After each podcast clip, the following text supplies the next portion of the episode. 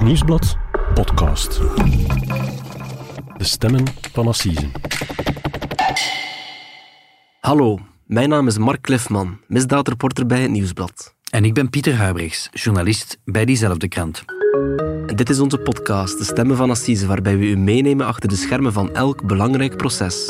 En vandaag hebben we het over een vrouw van 35, die ervan wordt beschuldigd dat ze haar schoonmoeder vergiftigde. Maar zelf schreeuwt ze al meer dan twee jaar haar onschuld uit.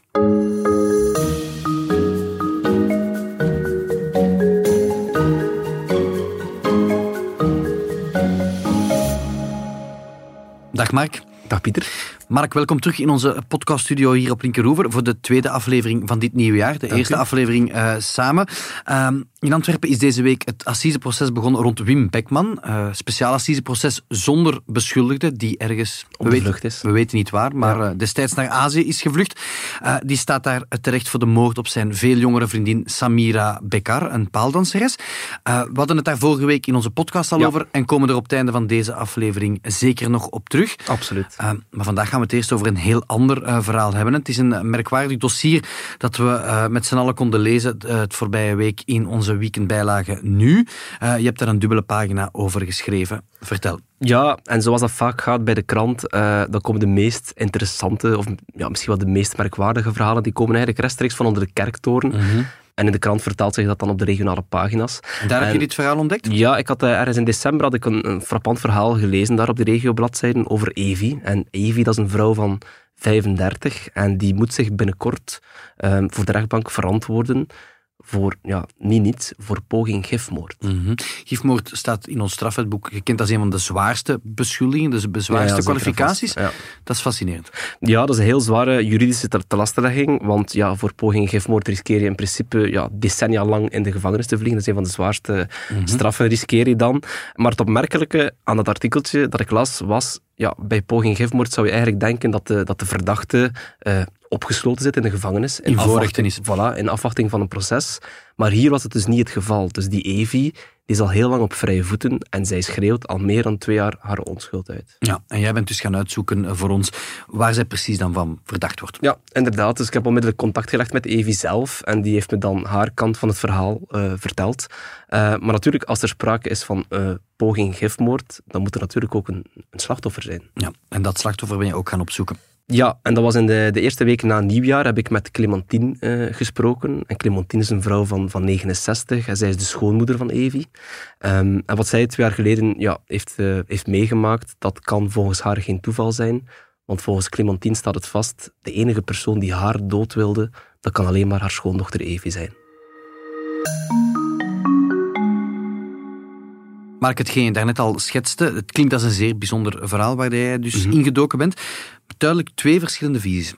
Ja, en, en, dat is misschien wel een belangrijke kanttekening dat ik meteen bij dit uh, dossier moet plaatsen. Het is een dossier van, van uitersten. Hè. Het, is, het zijn twee volledig tegenovergestelde standpunten.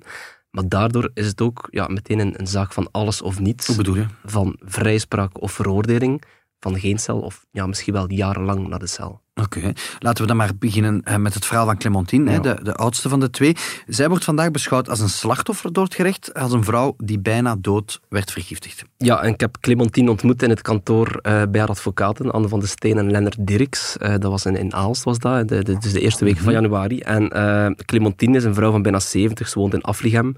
Um, haar man is al een tijd overleden, dus ze is ook al een tijd een, een alleenstaande vrouw. Mm -hmm. Maar ze is ook moeder van een zoon, Jurgen. En Jurgen is getrouwd met Evi, haar schoondochter dus. Dat is de andere protagoniste in dit voilà, voilà, daar komen we straks toe. En beiden hebben drie kinderen uit, uh, uit vorige relaties. En tot een goede, ja, zeg maar 2,5 jaar geleden, uh, leek het alsof de band tussen Clementine en haar zoon en schoondochter, dat die eigenlijk best wel oké okay was. Mm -hmm. Maar daar is duidelijk verandering in gekomen. Dat is het minste wat ik kan zeggen, denk ik. Um, en we moeten daarvoor terug naar 10 september 2021. Alhoewel, ja, op dat moment uh, leek ook nog alles ja, koek en ei tussen Clementine, Jurgen en Evi. Uh, want een dag eerder uh, waren ze nog samen bij elkaar geweest, op bezoek bij Clementine. en dat gebeurde wel vaker, dat was niet zo uitzonderlijk. Ja, dus Evi was op de koffie bij haar schoonmoeder. Ja, voilà, dus niets ongewoon. maar tijdens dat bezoek had Clementine blijkbaar laten vallen van kijk, ja, ik wil een aantal oude kleren wegdoen van de zolder uit de garage. En ze had voorgesteld aan Evi of ze, of ze bepaalde van die kleren wilde. Uh, want anders zou ze dan de kringloopwinkel doen of, uh, of gewoon weggooien in de prullenbak. Mhm. En de volgende dag, de 10 september dus, is Evi dan opnieuw op bezoek gekomen bij Clementine. Uh, alleen, Jurgen was er die dag niet bij. Um, en Clementine heeft mij beschreven hoe zij die dag ja, opnieuw koffie voor Evi had gezet. En dat ze dan ja, meermaals op vraag van Evi naar boven is geweest, naar de garage is geweest om bepaalde kleren te halen. Uh, omdat zij wel geïnteresseerd was in bepaalde kleren, zoals schoenen en hemden. Ja, wat je vertelt, maar het klinkt nog altijd uh, zeer onschuldig. Niks speciaals aan de hand. Nee, inderdaad. Maar niet veel later, zo zegt Clementine, um, nadat ze haar koffie helemaal had opgedronken, begon ze ja, zich ineens heel ziek te voelen. Uh, echt mottig, zegt ze. Um, overal kreeg ze pijn, vooral in de buikstreek. En ze is nog naar het toilet geweest om te proberen overgeven. Dat is niet gelukt. Um, waarop ze op een gegeven moment denkt van ja, het gaat hier niet goed met mij. Ik moet nu echt wel de dokter bellen. Ja, en neem ons even mee naar die keukenmarkt. Dus Evie, die schoondochter, is daarbij aanwezig. Die is daarbij aanwezig. En, en volgens Clementine was ze er ook bij toen ze dan de dokter belde. Toen werd er ja, natuurlijk ook geopperd van ja, moet niet gewoon naar het ziekenhuis gaan. En toen zou Evie, volgens het verhaal van Clementine toch, zou zij gezegd hebben van kijk, ja, nee, ze gaat dat niet willen. Ze zal thuis willen blijven. En Clementine zegt van ja, kijk, eh, op een bepaald moment kon ik gewoon niets meer. En ja, ik heb dan opnieuw de dokter gebeld. Um, en die heeft dan zelf de hulpdiensten ingeschakeld. Die heeft een ambulance laten komen. En sindsdien uh, ja, is zij volgens haar verhaal een deel van haar film kwijt. Dus zij moet zelf de hulpdiensten bellen en verliest dan het bewustzijn? Ja, en meer nog. Het, het licht is uitgegaan bij Clementine. En uh, ze is naar het ziekenhuis overgebracht. En op de spoed uh, stellen de artsen vast dat Clementine uh, zware hartritmestoornissen vertoont op dat moment. Um, en op een gegeven moment, als ze dan terug bij bewustzijn is, ja, vindt Clementine dat heel bizar. Want ja, ze zegt van, kijk, ik heb helemaal geen, geen, ja, geen geschiedenis als hartpatiënt. Ze heeft ook nooit medicatie daarvoor genomen of zo. Dus ze vindt dat heel bizar wat er haar allemaal overkomt. -hmm. En moet zij lang in het ziekenhuis blijven of, of mag zij naar huis? Nee, wel, de, de, artsen willen haar liever nog een tijdje daar ter observatie houden. Um, en op dat moment gebeuren wel een aantal bizarre zaken in het verhaal. Want, um, dus ja, de artsen stellen voor van blijf nog een paar dagen. Niet um, onlogisch als je hartritmestoornis hebt? Nee, totaal niet. Uh, maar Clementine die zegt van kijk, het is vooral op aanraden van Evia Jurgen dat ik dan toch op eigen risico naar huis ben gegaan. Want zij staan daar in het ziekenhuis? Zij zijn er natuurlijk ook op bezoek. Hè. Ze zijn ook geschrokken, zo lijkt het. dus ja, dus ze stelt voor om toch naar huis te gaan. De artsen zeggen oké okay dan, maar dan moet je wel nog een potje met urine achterlaten, zodat we dan nog verder kunnen onderzoeken. En dan is iets heel raars, iets heel merkwaardigs gebeurd. Uh, op dat moment zou Evie, allee, allemaal volgens het verhaal van Clementine, mm -hmm. um, zou zij voorgesteld hebben om in dat potje uh, te plassen, zodat ze dan sneller het ziekenhuis zouden kunnen verlaten. Um, dat gebeurde blijkbaar ook, maar Clementine zegt, ja, ik vond het eigenlijk toch niet zo gepast. Ik kreeg wat vroeging, zeker ten opzichte van de artsen. En ik heb dan achter de rug van mijn schoondochter toch maar dat potje terug uitgewassen en er toch nog zelf nog in geplast. Mag ik dat een zeer opmerkelijke scène uh, vinden, Mark? Dat zijn dingen die je, denk ik, zelden of nooit in een ziekenhuis uh, nee, het meemaakt. Me, het lijkt me ook niet alledaags. Nee, zeker nee. niet. Maar dus als ik het goed begrijp, finaal plast wel Clementine in dat potje uh, en wordt die urine onderzocht. Komt daar iets merkwaardigs aan het licht? Nee, aanvankelijk nog niet. Uh, want ja, het duurt wel een tijdje voor de resultaten van zo'n urineonderzoek, ja, voordat die kenbaar zijn. Um, en nog voordat de resultaten van Clementine duidelijk waren, gebeurt er op uh, 21 uh, september, dat is eigenlijk 10, 11 dagen na het eerste incident, gebeurt er opnieuw iets heel raars bij Clementine. Ze wordt opnieuw onwel.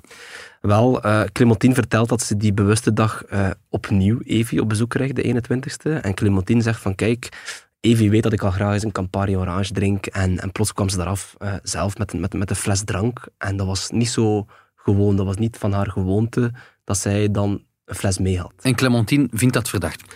Goh, op dat moment nog niet echt, denk ik. Um, ze denkt, ja, goh, ja, laat ons gewoon klinken op de goede afloop. Hè, want is, ja, ik ben naar het ziekenhuis overgebracht en ging even niet goed. En nu is het wel weer, weer beter. Op dat moment verdenkt zij haar schoondochter van niets? Nee, dus ja, dus, wat gebeurt er? Ze aperitieven inderdaad. En, maar ze zei wel van, kijk, even, ik heb niet veel tijd, want ik moet dezelfde dag nog, allez, ik moet straks nog uh, naar een verzekeringsmakelaar, want ze had een nieuwe auto gekocht uh, die week.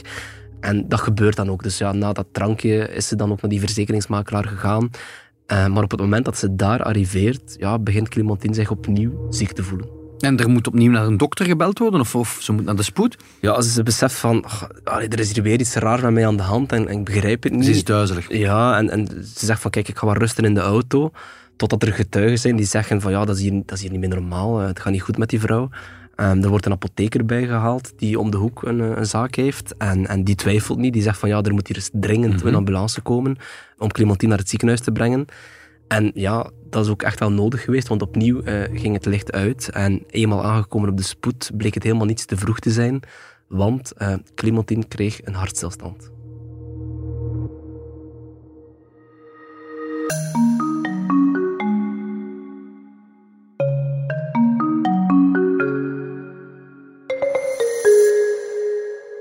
Mark, misschien even recapituleren. Hè. Je zit met twee keer een scène waarin de, de schoondochter uh, in dezelfde ruimte zit met haar schoonmoeder. Twee keer wordt er mhm. gedronken, twee keer wordt Clementine onwel. Ja, dat lijkt mij een uiterst verdachte situatie. Ja, en zoals ik net zei, die tweede keer was echt wel ernstig ook. Want Clementine kreeg toen een, een hartstilstand. Um, ze is toen ook gereanimeerd moeten worden. En, maar gelukkig is het allemaal goed afgelopen uiteindelijk. Ja, maar dat gebeurt twee keer op, op zeer korte tijd. Ja. Dat is alles behalve normaal natuurlijk. Nee, zeker niet. En, en, dat vinden de artsen in het ziekenhuis natuurlijk ook op dat moment. En die denken van, ja, twee keer op zo'n korte tijd, dat, dat kan geen toeval zijn. Um, zeker niet, want uh, als dan op een gegeven moment blijkt, dan plots krijgen ze dat wel, die, die resultaten binnen van dat potje urine, hè, waar we het daarnet over hadden. En op dat moment doen zij een, vrij hallucinante ontdekking, want uit de resultaten blijkt dat er sporen zijn, duidelijke sporen zijn van hartslagvertragende medicatie in haar lichaam. En dat is heel onbegrijpelijk, zegt Clementine, want ze zei het al, ja, ik ben geen hartpatiënt, um, ik neem ook geen medicatie voor hartproblemen of zo. En de dosis medicatie in haar lichaam is ook echt wel veel. Uh, de eerste keer wordt er gesproken over drie keer zoveel uh, dan een normale dosis voor haar patiënt. En de tweede keer toen ze een hartstilstand kreeg, was dat zelfs tien keer zoveel. Mm -hmm. Je hoeft geen ervaren speurder te zijn om te weten, maar ja, als ze die medicatie niet moedwillig heeft genomen, dan is er iemand anders die er dat toegediend heeft achter haar rug. Voilà, en dat is ook hetgeen wat de artsen onmiddellijk vermoeden. Hè. En dus zij, zij, zij besluiten meteen om ja, politie en parket in te lichten van hier is iets verdachts ah aan dus de hand. Zij doet dat niet, maar de, nee, nee, de artsen bellen naar de politie. Inderdaad, dus het is niet Clementine die dat doet. Het zijn echt wel de artsen die het, die het initiatief hebben genomen. Die zeggen van, dat is hier verdacht, we moeten het hier laten onderzoeken. En, en er wordt ook geen tijd verloren. Er wordt meteen ook een, een onderzoeksrechter op de zaak gezet. Uh, Wijst op de gravitas van de kwestie. Ja, en, en, want twee vragen zijn natuurlijk cruciaal. Hè. Op, op welke manier kreeg Clementine die medicatie binnen? En vooral, wie heeft het haar toegediend? Met alles wat je de voorbije minuten vertelt, het Mark, ja, lijkt er geen enkele andere mogelijkheid te bestaan dan dat Evie, hè, de schoondochter van Clementine, ja, haar heeft proberen te vergiftigen. Ze heeft in ieder geval bij het begin van het onderzoek de, de, de schijn tegen. Hè. Ja, dat is logisch. Mm ze was er twee keer bij toen Clementine ja, ziek werd, toen ze in allerijl naar het ziekenhuis moest. En misschien belangrijker nog, uh, in tegenstelling tot Clementine had zij wel toegang tot de medicatie uh, die haar schoonmoeder in het lichaam had. Hoezo? Wel, Eve heeft ooit wel de nationale pagina's gehaald in, in de krant, uh, eerder al, omdat zij na, na tien hartoperaties, uh, ja, ze kreeg toen een, een revolutionaire Amerikaanse micro-pacemaker ingebouwd. Want zij sukkelde wel al jaren met hartproblemen. Zij is wel hartpatiënt. Zij is wel hartpatiënt. En haar hart klopte eigenlijk gewoon veel te snel. En zij moest dan altijd medicatie uh, nemen om dat hartritme te doen vertragen. En op een gegeven moment haalden ze de krant omdat ze dan die, die, die speciale pacemaker kreeg, waardoor ze verlost was van de klachten en ze ja, die, die pillen dus niet meer hoefde te nemen. Ja, 1 en 1 is 2 lijkt me dan, hè Mark, in dit verhaal. Evi beschikte nog steeds over die hartslagverlagende medicatie die in het lichaam van haar schoonmoeder werd teruggevonden. Simpel. Ja, dat is de theorie van de, van de speuders ook natuurlijk bij het begin mhm. van het onderzoek. En nog geen twee weken nadat Clementine dan ja, ziek was geworden voor de tweede keer, worden Evie en haar man Jurgen in alle vroegte door de speuders uit een bed gelegd. Ja, Clementine is op dat ogenblik al verhoord, neem ik aan. Ja, maar zij weet bijvoorbeeld niet van die arrestatie af. Dus op een gegeven moment wordt dan ja, haar, haar, haar zoon en, en schoondochter die worden thuis gearresteerd. Uh, maar Evie die, ja, die wordt natuurlijk beschouwd als hoofdverdachte omwille van die medicatie. Um, zij wordt ook meteen voorgeleid bij de onderzoeksrechter. Maar zij, zij is op dat moment stellig en zij wordt ondervraagd, maar zij zegt van kijk, ik heb hier niets mee te maken. Ja, dat is natuurlijk een cruciaal moment. Hè. Je zit voor mhm. die onderzoeksrechter, dat is de persoon die beslist, je gaat naar de gevangenis of je mag naar huis. Ja, die moet je overtuigen. Gelooft die onderzoeksrechter haar? Goh, de onderzoeksrechter is op dat moment wel duidelijk van oordeel dat er meer onderzoek nodig is. Um, en in afwachting daarvan worden uh, Evie en haar man Jurgen uh, alvast opgesloten in de gevangenis. Uh, op verdenking van poging van gifmoord. Hè. We zijn het al, zware, zware kwalificatie. Um, maar beide worden dus naar de gevangenis gestuurd. Um, Evie naar de vrouwengevangenis in Berkendaal en haar man Jurgen naar de gevangenis in Sint-Gilles. Ja, aan het begin van onze podcast, Mark, vertelde je al dat je ook de andere kant hebt belicht, dat je ook Evie hebt gesproken. Um, ik deduceer daaruit dat zij niet langer meer in de gevangenis opgesloten zit. Nee, klopt. En, en eigenlijk heeft ja, Evie nooit echt lang in de gevangenis gezeten. Ze heeft maar een week of twee achter de tralies gezeten en dan Nadien werden zij en haar man Jurgen uh, ja, terug vrijgelaten. Eerst was dat onder voorwaarden, hè, strikte voorwaarden zoals we dat kennen. Uh, later zijn die ook die voorwaarden vervallen en was zij eigenlijk gewoon een vrije vrouw. Ja, en ze is altijd blijven ontkennen tegenover de speurders, tegenover de onderzoeksrechter, tegenover haar eigen man, tegenover haar schoonmoeder. Die onschuld die schreeuwt ze nog altijd uit? Ja, heel erg. Uh, dus ik heb, haar, ik heb haar lang gesproken en ze zegt van kijk, um, die dag van de arrestatie, dat was voor mij ja, werkelijk de hel. Ook al heeft de politie uh, die dag, ja, waren ze heel vriendelijk, waren ze heel respectvol, maar ze zegt van kijk, als je iets misdaan hebt, en dat, dat besef ik maar al te goed, dan moet je met je gat op de blaren zitten. Dus is ze daarvan bewust. Maar zegt ze van kijk, ik, ik, heb, ik heb het niet gedaan.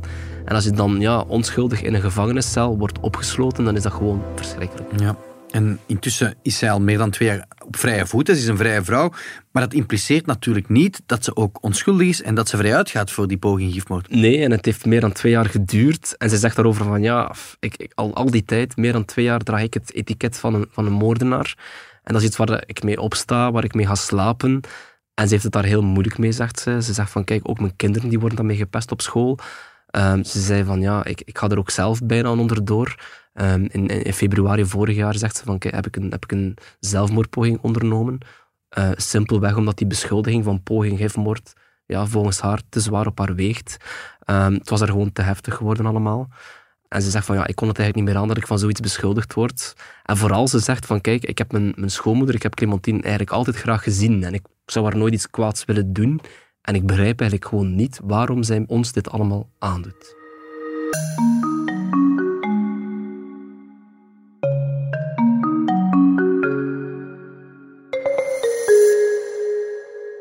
Mark, je zit hier met twee uh, diametraal tegenovergestelde stellingnames, hè, kunnen we zeggen. Ja, je zit met mhm. de schoonmoeder Clementine, die zegt van ja, ik ben vergiftigd door mijn eigen schoondochter. Hè, die wou mij op een of andere manier vergiftigen. Politie, help mij. En aan de andere zijde zit je met, met de schoondochter Evie, die zegt van ja, ik zou mijn schoonmoeder, Clementine, nooit iets aandoen. Ja, en, en bovendien, als je met een, met een poging gifmoord te maken hebt, dan moet er ook een motief zijn.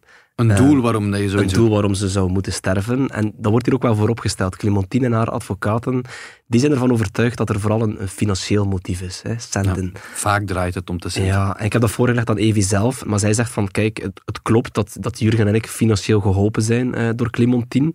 Maar ja, wij hebben dat in het verleden wel allemaal netjes terugbetaald en we kunnen dat ook bewijzen. En dus Evie die blijft er heel stellig bij. Al die aantijgingen zijn volledig op loszand gebouwd. Ja, absoluut. Um, zij en haar advocaat Jeroen Dont, die, die verwijten de speuders eigenlijk vooral echt wel tunnelvisie. Zij zeggen van, kijk, er is geen enkel bewijs in haar richting. En ze geeft natuurlijk toe van, ja, ik, ik was twee keer op bezoek bij mijn schoonmoeder. Dat kunnen ze niet ontkennen natuurlijk. Um, maar zij benadrukken, uh, wie zegt er eigenlijk dat Clementine niet ja, zichzelf probeerde te vergiften? Dat zij misschien depressief was, dat zij misschien zelf uit het leven wilde stappen uh, door die medicatie te slikken. Dat is een opvallende these. Dat is een opvallende these. En, en, want ja, Jeroen Dont, de advocaat van Evi, die zegt bijvoorbeeld... Clementine moet het toch geproefd hebben uh, als er zoveel medicijnen door haar koffie of cocktail worden gedraaid. En zij zeggen van, ja, de speuders die gaan daar veel te lichtzinnig mee om. Ja, wie we hier nog niet belicht hebben, Mark, en wel ook wel een cruciale factor, denk ik, de, de zoon van Clementine zelf, die Jurgen, ja, die, die heeft een vrouw die ervan beschuldigd wordt achter die gifmoord te zitten. Ja, en het is zijn eigen moeder die vergiftigd werd. Het is zijn eigen moeder, ja, absoluut. En het opvallende in heel deze zaak is wel dat, ja, dat hij en Evie tot op vandaag nog steeds een koppel zijn. Uh, hij zou zijn moeder dus wel nog eens bezocht hebben in de nasleep van de feiten. Um, en hij zou haar ook wel duidelijk gemaakt hebben van kijk, ik heb, ik heb jou niets misdaan, ik zit hier niet achter. Ehm, maar het moet toch ergens ook zijn dat hij in de onschuld van Evie gelooft. Want ja, het klopt. Ja, ze zijn gewoon vandaag nog een koppel, ze zijn nog samen. En volgens Jeroen Dont, de advocaat, is dat eigenlijk het grootste bewijs uh, dat zijn cliënt onschuldig is. Ja. Uiteraard bewijst dat in de rechtszaal niks, denk ik. Maar ik kan me voorstellen dat de tegenpartij dat allemaal anders ziet. Nogal. Uh, Clementine zegt klaar en duidelijk: het kan niet anders dan, dan mijn schoondochter geweest zijn. En zij is kwaad eigenlijk. Zij zegt misnoegd dat zij ja, door de tegenpartij um, wordt weggezet als een labiel depressief vrouwtje die misschien dan de medicatie slikte als, als een zogenoemde schreeuw om aandacht. Uh, ze tilt daar zwaar aan, want ze zegt van, ja, ik, ik kwam eigenlijk nog graag buiten. Ik had ook net een nieuwe auto gekocht. Ik wilde helemaal niet uit het leven stappen. Mhm. Heb jij toen een, een, depressieve vrouw gesproken? Nee, ik moet eerlijk zeggen van niet. Ze zag er helemaal niet depressief uit. En de advocaten, Anne van de Steen en Lennart Dirks, die zeggen ook van, maak eens gewoon de nuchtere analyse. Eén, wie had toegang tot de medicatie? Twee, wie had toegang tot het slachtoffer? En drie, wie had een mogelijk motief? ja, zij zeggen, uh, er is niemand die aan die drie criteria voldoet, behalve Evi. En wat zegt het onderzoek uh, finaal? Want ja, het is natuurlijk het parket dat, dat op het einde van de rit van het onderzoek moet beslissen. Ja, gaan we hiermee naar een proces? Moet er een rechtszaak komen? Moet zo iemand vervolgd worden? Ik heb ook het parket gecontacteerd. Het gaat om het parket van Halle Vilvoorde. Zij hebben dat onderzoek gevoerd, twee jaar lang. Um, dat onderzoek is nu volledig afgerond. En finaal komen zij tot de conclusie dat schoondochter Evi ja, in het onderzoek wel meerdere uh, tegenstrijdige verklaringen heeft afgelegd. En het parket zegt van kijk, er zijn wel voldoende bezwaren tegen Evi naar voren gekomen in het onderzoek. En het is wel aannemelijk dat zij de medicatie aan haar schoonmoeder uh, heeft toegediend. En zij willen haar vervolgen? Al merk ik ook wel enige voorzichtigheid in de communicatie van het parket. En hoe bedoel je? Wel, ze zeiden ook wel letterlijk dat die bezwaren ten, opzichte van Evi, dat, die, dat dat ook nog niet wil zeggen dat ze het ook effectief gedaan heeft. Want zeggen ze van, ze benadrukken ook wel, in dit stadium geldt er nog het vermoeden van onschuld, tot er een eventuele veroordeling is. Ja, maar het parket vraagt wel, ondanks die voorzichtigheid, de doorverwijzing naar de correctionele rechtbank. Dus er zijn wel bezwaren dat... Allez, zij menen wel dat Evi schuldig is aan ja, die poging. Dus het parket vraagt inderdaad de doorverwijzing en de raadkamer heeft die redenering in december ook gevolgd. En zal dus binnenkort aan drie beroepsrechters zijn voor de correctionele rechtbank van, van Brussel. En zij zullen dan moeten beslissen over het lot van, van Evi. Mm Dat lijkt me geen gemakkelijke beslissing voor die drie uh, rechters. Hè? Je hebt nu met beide gesproken, hè Mark? zowel met die Clementine als met Evi. Welk gevoel heb je daarbij? Heeft, heeft Evi dit moedwillig gedaan?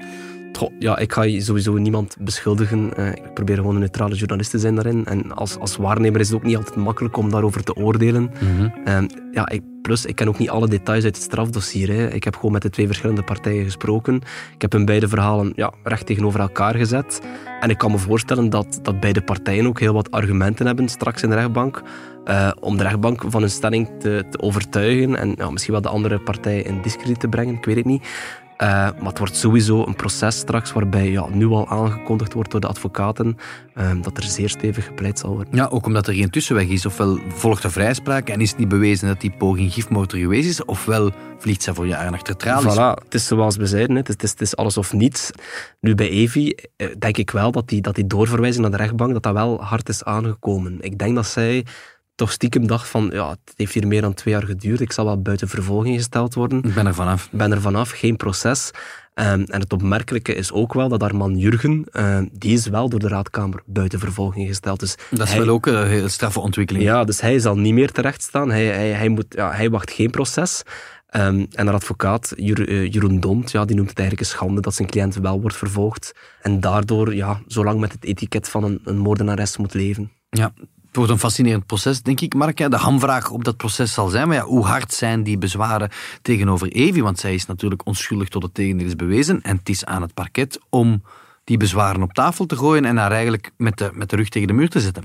Ja, en ik, en ik hoor dat ja, in een zaak van poging gifmoord is dat wel niet altijd even makkelijk om te bewijzen. Dat zeggen de advocaten van Clementine eigenlijk ook wel. Zij zeggen van, kijk, in het beste geval kan je aantonen op basis van ja, toxicologisch onderzoek dat er sprake is van vergiftiging. Dat is dan één stap. Maar ja, de tweede stap is natuurlijk, toon maar eens aan, wie heeft het gedaan? En dat is een heel ander onderzoek dan de andere podcast waar we het meestal over hebben, over schietpartijen, steekpartijen, noem maar op. Daar is duidelijk uh, bewijsmateriaal, daar zijn ja, soms wapens, daar is DNA-onderzoek. Um, en hier, ja, wat heb je? Woord tegen woordverklaringen. Ja, er hangen uiteraard geen camera's in haar keuken. Er hangen geen camera's in de keuken. En ja, de advocaten van Clementine, ja, maar die, die blijven er wel van overtuigd dat er hier toch een aantal ja, flagrante uh, zaken gebeurd zijn waarbij de tijdlijn echt wel aantoont dat het, niet anders, dat, dat het niemand anders dan Evi kan zijn. Ja, dat je door deductie enkel maar bij haar uitkomt. Um, iets zegt mij, Mark, dat jij dit proces voor de correctionele rechtbank zal willen volgen. Ja, sowieso. Uh, nu, al zal dat nog niet voor meteen zijn, het kan nog uh, maanden duren uh, voordat er in Brussel, voordat deze zaak op de rol komt. Je weet ook, daar is ook een achterstand in, in Brussel, omdat er heel veel zaken zijn. Dus dat kan nog lang duren. En bovendien, ja, het is een correctionele zaak, het is geen assisenzaak zoals we, waar we het meestal over hebben. Dat betekent ook uh, dat er ook nog de mogelijkheid is om, om in beroep te gaan. Dus ik denk dat dit, ja, ik vrees dat dit dossier misschien wel nog jaren kan aanslepen. Oké, Mark, jij volgt dit voor ons ongetwijfeld op en we zullen er uh, later dit jaar uh, ja, sowieso op terugkomen in een, in een latere podcast. Absoluut. Voor we deze aflevering van Stemmen van Assise neerleggen, gaan we even terug naar uh, Assise Antwerpen. Collega Cedric Lagast is er komen bijzitten. Dag Pieter. Dag Cedric. Cedric, je hebt voor ons het uh, proces voor een stuk gevolgd rond uh, Wim Beckman. Een ja, zeg maar opvallend proces. Ja. Kan je eens beschrijven hoe dat daar is verlopen? Wel, het was een heel opmerkelijk proces, Pieter. In die zin natuurlijk dat het een proces was uh, met een lege beschuldigdenbank. De beschuldigde, die was er niet. En wie onze vorige podcast nog niet heeft kunnen beluisteren, Wim Beckman stond dus terecht uh, voor de moord op zijn vriendin Samira. Hij heeft dat altijd ontkend, maar na die ontkenning is hij eigenlijk verdwenen. Hij is vertrokken, is al sinds 2016 spoorloos en, en, en niemand weet waar hij is. Dus zijn assiseproces is deze week ook gevoerd zonder dat er een beschuldigde bij was. Ja, een speciaal proces. Donderdag is de jury in beraad gegaan. Wat is daar uitgekomen? Wel, de jury heeft donderdagavond inderdaad uh, een beslissing genomen. Het proces heeft vijf dagen geduurd. En na vijf dagen lang uh, aandachtig naar al die uh, getuigen te hebben geluisterd, heeft de jury uiteindelijk beslist dat Wim Beckman wel degelijk schuldig is aan de moord op, op Samira. Niemand anders kan die moord gepleegd hebben. En ze hebben hem veroordeeld tot 29 jaar cel.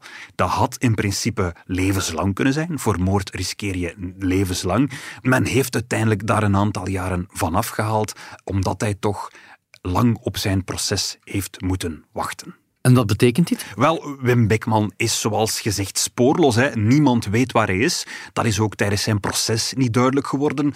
Uh, in de rechtszaal is daarover gespeculeerd. Men heeft onder meer gezegd dat hij zou in Dubai kunnen zitten. Hij zou in Thailand kunnen zitten. Nu, zijn twee boezemvrienden met wie hij altijd optrok, die bleken tijdens het proces in Curaçao te zitten. En ook, ook in de rechtszaal heeft een van de advocaten daar in zijn, zijn pleidooi op gealludeerd en gezegd van ja, misschien zit hij ook wel op Curaçao. Hè. Nu, um, dat betekent als hij straks ergens opduikt of als hij straks ergens gevonden wordt en uh, overgeleverd wordt aan ons land, dat hij in principe die 29 jaar cel zou moeten uitzetten. Alleen, hij is bij verstek veroordeeld. Hij was er niet bij op zijn proces. Dat zou willen zeggen dat hij altijd uh, verzet kan aantekenen tegen die veroordeling. En dat wil betekenen dat dat hele proces helemaal opnieuw gedaan moet worden. En dat dus dit hele proces eigenlijk uh, voor niets was. Mm -hmm. Dus Wim Beckman zit nog niet meteen in een Belgische cel? Nog niet onmiddellijk, nee. Bedankt om dat hier zo deskundig in onze studio te komen uitleggen. Tot volgende week. Tot volgende week. Dit was De Stemmen van Assise, een podcast van het Nieuwsblad. De presentatie was in handen van Mark Klifman en mezelf, Pieter Huibrechts. De audioproductie was in handen van Benjamin Hertogs van House of Media. De productie werd in goede banen geleid door Bert Heijvaart en Nathalie Delporte.